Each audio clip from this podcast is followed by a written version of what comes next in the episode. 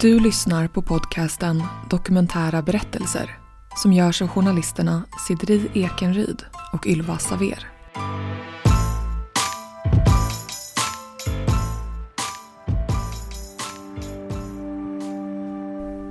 Den kanske största förändringen i livet är den dagen man får barn. Men för vissa blir vardagen långt ifrån vad man hade hoppats på. Elmer sov och min mamma skulle gå och sova middag. Och jag satt på, på en stol liksom.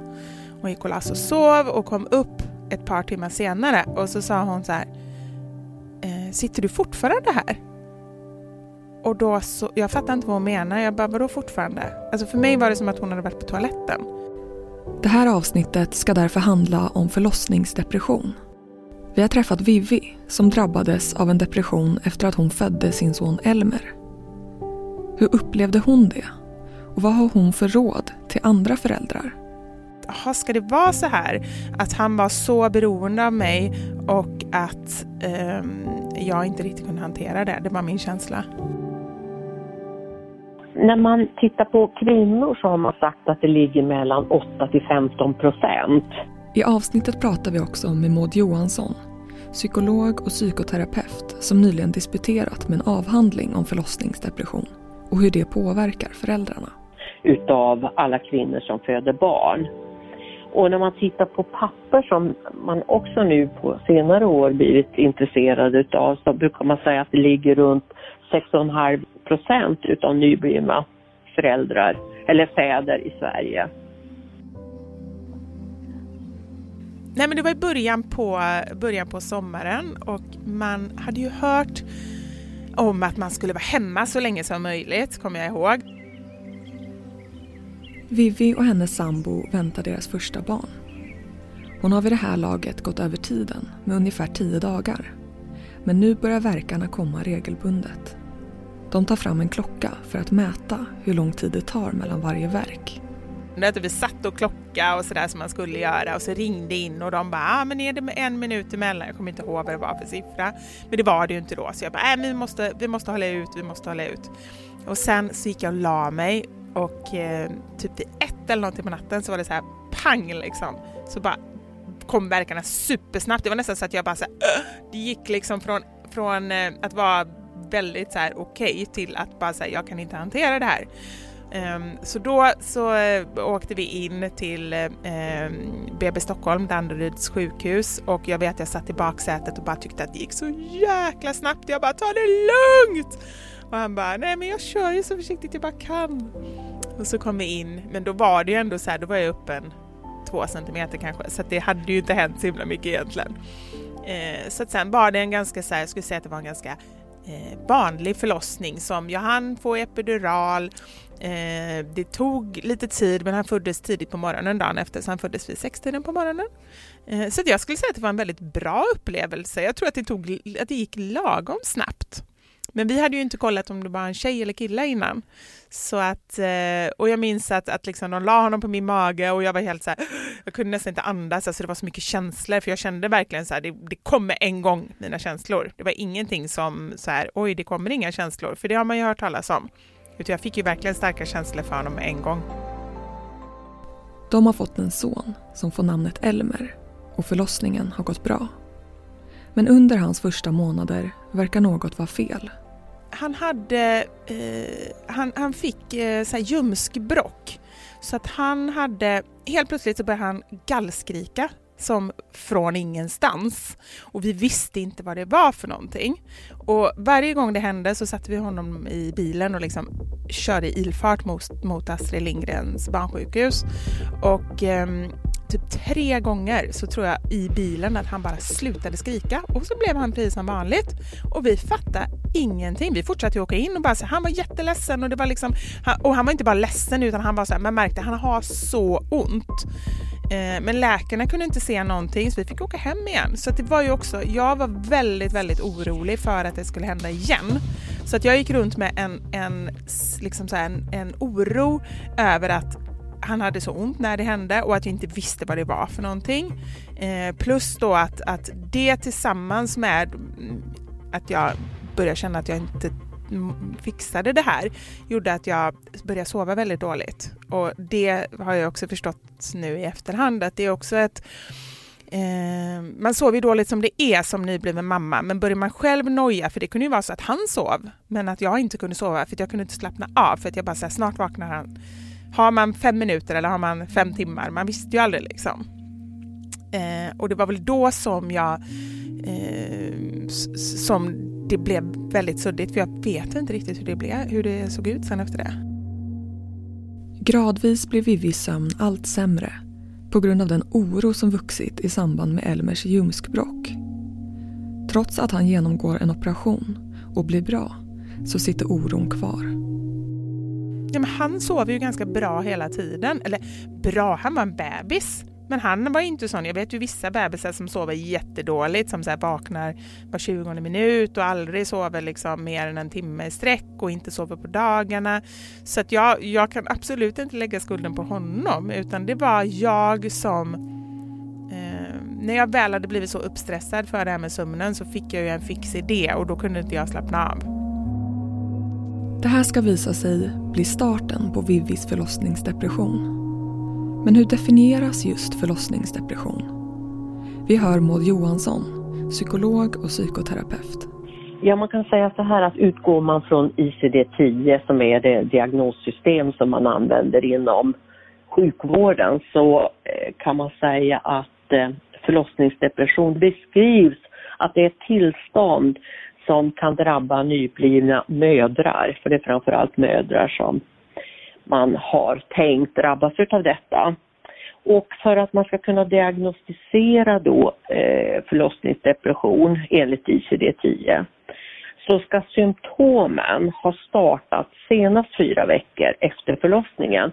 Men eh, man kan säga att i kliniska sammanhang så brukar vi säga att det kan vara upp till tre månader eh, så kan man sätta diagnosen. Alltså upp till tre månader efter, eh, efter förlossningen. Det är liksom den traditionella, eh, vad ska jag säga, definitionen utav förlossningsdepression eller postpartum depression som det heter liksom i, eh, i folkmun kallar vi det förlossningsdepression men eh, postpartum depression heter det liksom mera i, i eh, kliniska sammanhang. Eh, och jag var ju väldigt glad över, eller liksom jag har ju sett fram emot det här jättemycket. Eh, och jag upplevde ju under den här tiden, jag kände ju verkligen att jag älskade Elmer. För jag vet ju att det är ganska vanligt när man har förlossningsdepression att, att man liksom nästan känner att man inte klarar av att se sitt barn och att man eh, nästan känner att man inte vill ha sitt barn och så. Men det kände inte jag. Jag kände bara att jag verkligen inte var gjord för att vara mamma och att jag skulle misslyckas. Sömnbristen gör att ångesten växer. Just att jag aldrig kunde slappna av. Eh, det är klart att jag kunde inte somna för att jag inte kunde slappna av, men jag kunde inte slappna av när jag var vaken heller. Så jag gick liksom omkring och var på helspänn hela tiden. Ehm, att jag hade svårt att äta, jag fick ångest över massa saker i vardagen. Så beslutsångest, vad ska jag ta på honom? Vad ska vi... Alltså eh, så små saker till mig, ska vi gå ut nu eller inte? Eller mm, vad händer nu? Eh, så där. Och jag tror att de här känslorna tror jag är väldigt vanliga bland eh, bebismammor, kanske allra vanligast bland eh, förstagångsföderskor. Och det behöver ju inte vara en förlossningsdepression eh, att man mår lite dåligt eller att man är lite nere eller känner sig så här rådvill. Men min känsla är ju när det håller i sig och när det inte är någon särskild anledning. För det var ju så jag kände, det var ju inte så här att ah, oh, jag tycker det är jobbigt för att det här har hänt, utan det var ju bara så här, allt var jättejobbigt. Jag såg ingen ljusning. Hur vet man att man har utvecklat en depression och inte bara är allmänt orolig? Maud Johansson igen om vilka de typiska symptomen är. Ja, det är symptom. Man kan säga att det kan se ut på lite olika sätt men framförallt kan man känna att man eh, känner sig nedstämd. Man kan känna irritation och eh, man kan också få sömnsvårigheter eller att man får svårt att sova. Eller att man sover för mycket. Just den där känslan att ingenting känns riktigt roligt. Eh, och att man eh, kan känna att man vill dra sig undan. Eh, och att man kan också tvivla på sin förmåga som förälder, att man är osäker på att man, eh, ja, hur man är som förälder. Och de här symptomen kan man ju säga, de är nog mera inifrån att kvinnan eller mannen då känner så. Den behöver inte synas utåt sett. Det är inte så liksom att man inte klarar av vardagen, för det gör ofta de här föräldrarna på ett väldigt bra sätt. Man sköter det man ska, men man mår inte riktigt bra. Man känner inte den här glädjen och eh, tillfredsställelsen som man eh, förväntar sig efter att man har blivit förälder. Jag fick också att jag tyckte det var jobbigt att äta. Jag fick som beslutsångest kring allt i livet och då blev det också på maten. Så ska jag äta det eller ska jag äta det? Eller, och då blev det liksom, eh, kunde jag gå en hel dag utan att få i mig någonting och då blir ju en, en kropp som varken har får sömn eller mat blir ju helt... Var det viktrelaterat eller Ja, men lite det också på något konstigt sätt. Just kroppen hade förändrats, psyket hade förändrats. Jag ville så bli tillbaka till mitt jag som jag upplevde var förlorat. Vid det här laget har Vivi inte en tanke på att hon har utvecklat en depression. Hon är fast besluten att göra allt hon tänker förväntas av hennes nya roll som mamma. Men det, det, just det, det var ju tufft. Eh, jag tror att jag, jag försökte göra allt som, som eh, jag upplevde förväntades av mig. Jag ammade, jag hade jätteproblem med amningen men jag liksom så tvingade mig till det i början men, och kom över den här tröskeln så det funkade faktiskt riktigt bra sen. Jag tycker att det är så himla svårt att gå tillbaka till den här tiden för att jag inser att den är väldigt suddig och luddig. Eh, och jag tror, jag har förstått nu i efterhand att det är ganska vanligt att det blir så för att man är liksom, jag känner att jag var som i en bubbla. Eh, och det som var det läskiga skulle jag säga är att jag förstod inte att jag var deprimerad. Utan jag trodde att det här var mitt nya jag. Alltså det är väl så här jag är när jag är mamma. För att jag upplevde att ansvaret var så otroligt stort. Um, så att jag tänkte att nej men okej, för att man kommer ju alltid vara mamma när man har blivit mamma. Eller det hoppas man ju i alla fall. Um, och jag såg inte att, det, att, att jag skulle kunna liksom må bra igen. Aj, aj, aj, det kluckar i rören. Men det är väl inget att bry sig om? Jo, då är det dags för de gröna bilarna. Spolarna behöver göra sitt jobb. Spolarna är lösningen.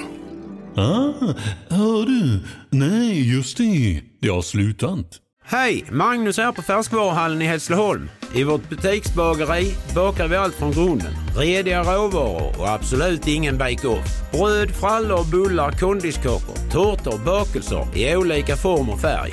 Och hör du, har du inte besökt Färskvaruhallens bageri så gör det nu. Vi har öppet från sju. Det är inte helt ovanligt att man blir väldigt ängslig och rädd att, man, att, man, att det ska hända barnet någonting. Och att man vet någonstans att nej men jag kommer ju inte att, att göra mitt barn illa, men det finns ändå en känsla utav att man är rädd för det.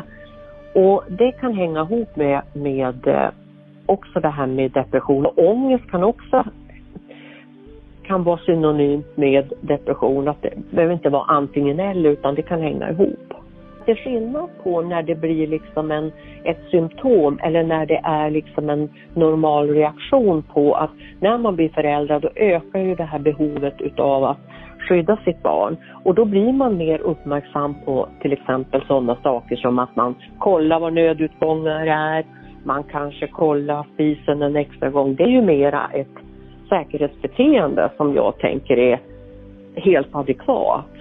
Men den här känslan att man får så mycket ångest för att man ska vara själv med barnet för man är så rädd liksom att man ska skada det. Det är inte...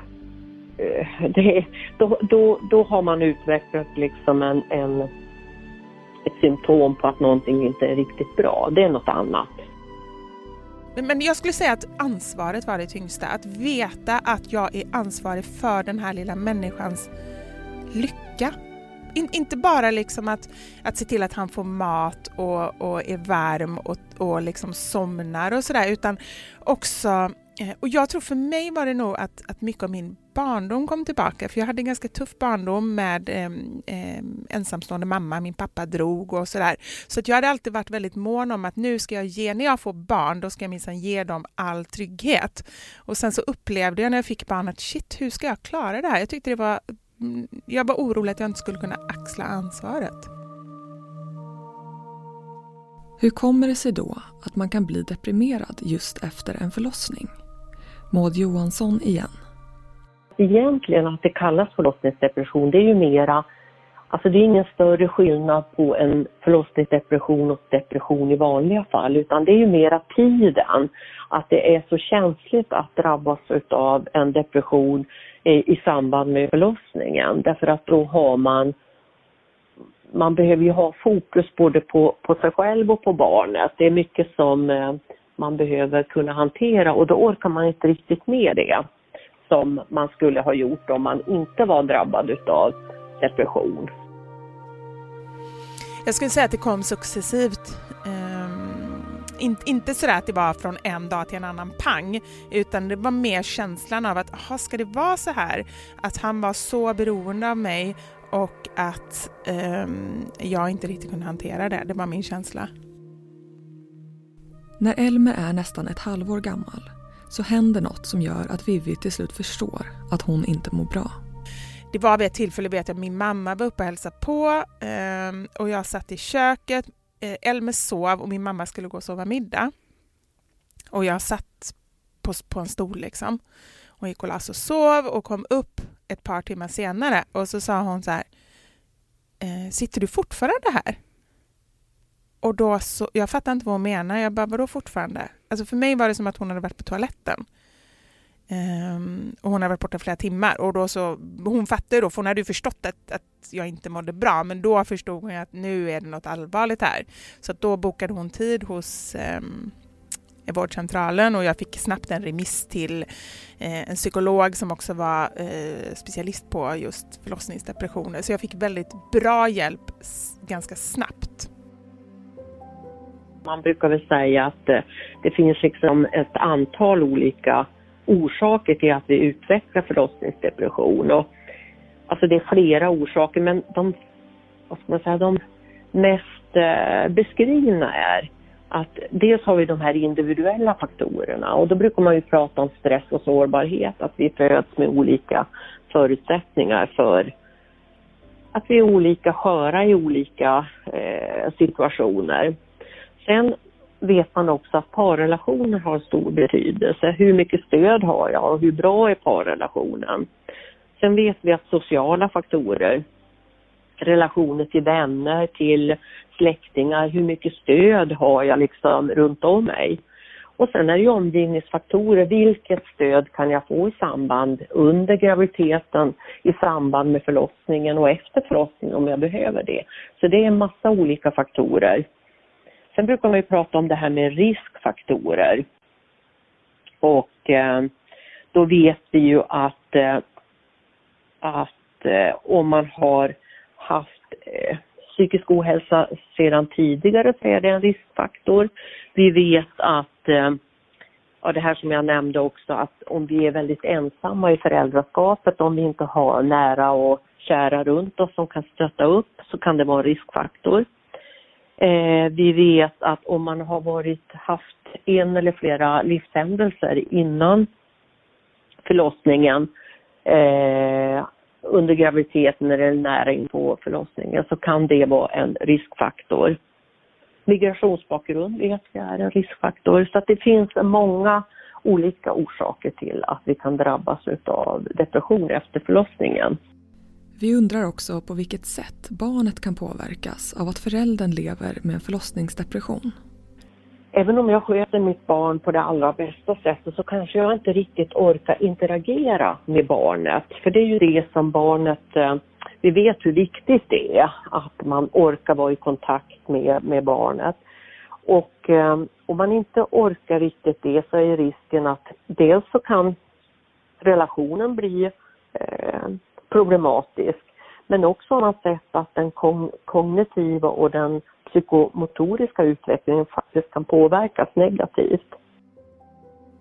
Nej, men jag kom ju då till den här psykologen eh, och läkaren efter ett halvår och sen fick jag fortsätta gå och prata med henne en gång i veckan. Eh, och jag fick också antidepressiva. Så jag fick ju både medicin och samtal. Och jag skulle säga att det vände väl någon gång efter eh, en eller två månader började det vända. Det var inte heller från en dag till en annan utan eh, det gick långsamt men jag kunde se mer och mer eh, ljusglimtar i livet. Man har sagt tidigare, mer än sån här klinisk kunskap, att det, det brukar kan hålla på första året efter förlossningen, barnets första år och att sen är det övergående. Men det vet inte riktigt jag om jag håller med om för att jag har ju tittat då på mammor och pappor lite senare hur, hur eh, depressionsgraden ser ut och då visar det ju sig att det fortsätter eller om man säger så om inte annat så är det en ny, eh, man kan ju drabbas av en depression igen. Så det är inte så att det bara eh, efter första året så tar det slut. Hjälpen Vivi får gör att hon gradvis blir bättre. Kombinationen av medicin och terapi fungerar. För mig jag tror att medicinen var väldigt viktig för att liksom bara släppa på den här största ångesten. Men sen hos psykologen så pratade vi mycket om, vi pratade om min barndom och hur, hur jag hade upplevt den. Eh, och sen kopplat då till varför jag tyckte att det här liksom var så tufft. Och jag, och jag insåg ju själv att det handlade mycket, det var ju så prestationsångest. Att jag är en människa som är van vid att, att prestera och det här hade jag ingen aning om hur man gjorde. Alltid annars har man ju fått veta så här, man läser tre böcker eh, kan de utan till skriver bästa eh, liksom på, på tentan och så får man ett bra betyg. Här var så här, det fanns ingen manual, ingen som sa vad som var rätt eller fel och det pågick hela tiden. Och någonstans förlika sig med att, jag tror jag var så på tårna innan, och det kan man inte vara med ett jobb som är 24-7. Det kanske man kan vara om man ska gå in och skriva en tenta eller om man ska göra en uppgift eller någonting. Utan det här var ju mer för mig att hitta ett sätt att liksom kunna bara slappna av i, i mammarollen. De flesta mammor vill ha samtalsbehandling och det är egentligen det som också långsiktigt ger eh, ett väldigt gott, det är också mer förebyggande. Medicin kan också fungera men medicin är ju mera ett, eh, vad ska jag säga, det kan ju hjälpa för tillfället men om man har en ökad sårbarhet på grund utav ett bagage som man har med sig så kanske man behöver lite hjälp med det. Så att långsiktigt så anser jag att samtal är mera det är mer förebyggande. Man hjälper liksom för stunden men man, det, det förebygger också ytterligare depressioner. Det kan man inte säga är samma sak när det gäller medicin. Jag upplever, eller så här, när jag kom ut på andra sidan, att att jag var inte förlorad som jag hade trott. Jag var förändrad. Och att det handlar mycket om att acceptera det här nya jag som man har blivit. Ehm, istället för att jaga någonting gammalt. För jag vet ju att många under min graviditet så var ju många så här, äh, men man ska fortsätta leva livet som innan och, och fortsätta resa, vara uppe sent och så här. Och jag trodde att jag skulle bli en sån mamma. För jag tänkte, herregud, en liten bebis behöver väl inte förändra det? Hur svårt kan det vara liksom? Så jag tror att jag höll fast vid den bilden också. Eh, att eh, både rent mentalt, kroppsligen, hur jag skulle vara och så var allting helt förändrat. Och det var ju en sak som jag förstod med terapin och eh, behandlingen och sådär att eh, nej men jag var ingen sån mamma. Jag, jag var, jag hade fått en ny, jag hade fått en ny bebis och jag var en ny mamma. Och vi behövde båda rutiner, vi behövde båda liksom lugn och ro och veta vad som skulle hända. Och, och det var inte riktigt jag innan barn. Och det var ju också lite svårt att acceptera tyckte jag. Man är van att ha kontroll och är det någonting man inte har kontroll över så är det ju när man blir mamma då är ju allting hur den här lilla bebisen mår. Och om den vill sova, vill inte den sova, då får man inte sova själv. Eh, och vill den inte äta, då, då måste man göra vad man kan och sådär. Så att man blir ju väldigt sårbar.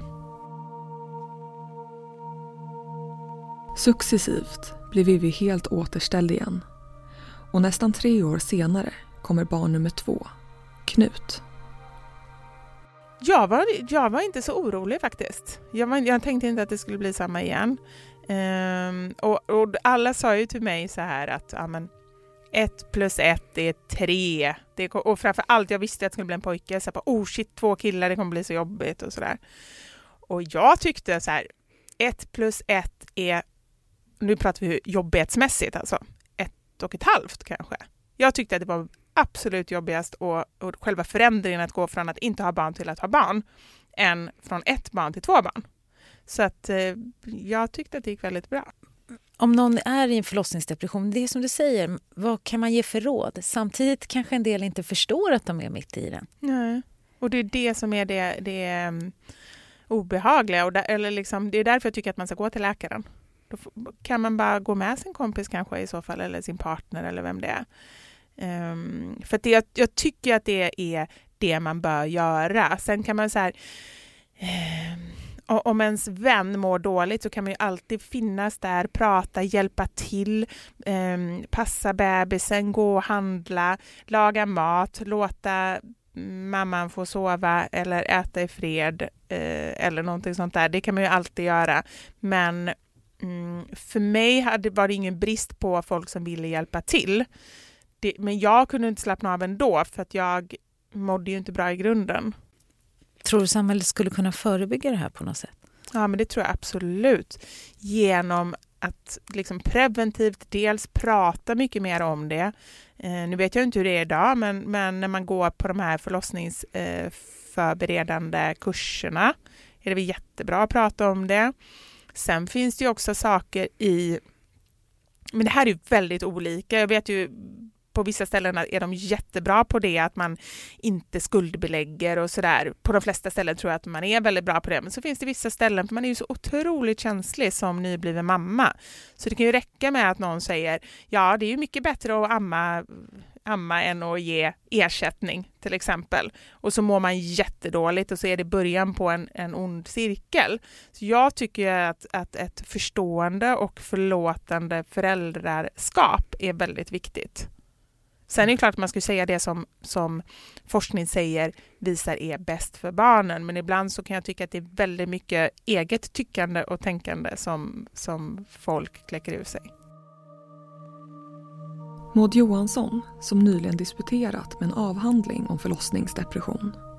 Vilka åtgärder menar hon skulle vi kunna vidta för att färre föräldrar ska drabbas? Om det är så, jag har ju träffat i min kliniska vardag så jag har träffat många mammor och, som inte har mått bra och att, att relationen går alltid att reparera, det är ju det som är det fina med eh, men kan vi identifiera och ge stöd så behöver kanske inte mamman eh, hamna i den situationen, det är det som är det viktiga. Jag skulle ju vilja se att man blev mycket Alltså att man redan under graviditeten försökt identifiera de här mammorna som är i riskzon för att kunna ge dem stöd innan förlossningen. För den erfarenheten har jag sedan jag jobbade kliniskt eh, att eh, kan man ge stöd redan under graviditeten så ofta så har de, de problemen löst sig efter förlossningen. Och tyvärr är inte det lika väl utbyggt som det här efter. Och vi vet att det är ett starkt samband mellan att om jag eh, mår, jag får en postpartum depression så kanske, så är det ganska vanligt att jag inte har mått bra under graviditeten. Så sambandet är starkt och då borde vi identifiera det innan förlossningen. För när man blir förälder har man ju fullt upp med liksom att vara förälder. Hur tänker du kring din förlossningsdepression idag? Jag tänker att eh, jag framför allt att jag vill dela med mig för att det är fortfarande så tabubelagt och det är fortfarande ganska eh, det är ju många fler som pratar om det idag än för tio år sedan. Men det är fortfarande ingenting som man pratar mycket om. Så att jag vill, kan jag hjälpa någon genom att ändå vara öppen med det och, och uppmuntra folk om de mår dåligt, eller mammor, att söka hjälp, för det tycker jag att man ska göra. Sen är det upp till läkaren att, säga att nej men det här är nog bara eh, liksom, eh, baby blues eller det kommer gå över eller sådär. Men att eh, för jag upplevde också själv att jag var ganska länge så sa jag att nej men det är nog ingen fara, det går nog över. Att man förringar sitt eget mående, att det hör ihop också, att man tycker liksom inte riktigt att man är värd att må bra. Eh, så därför är jag så här, jag försöker pusha folk om de mår dåligt att ändå gå till läkaren så får de avgöra sen. Vill du höra mer från Vivi så gör hon podcasten Mammasanningar. En annan podcast från Radio Play. Du har precis lyssnat på avsnittet om förlossningsdepression. Vill du komma i kontakt med oss som gör den här podden? Maila oss på kunskapsstudion gmail.com. Música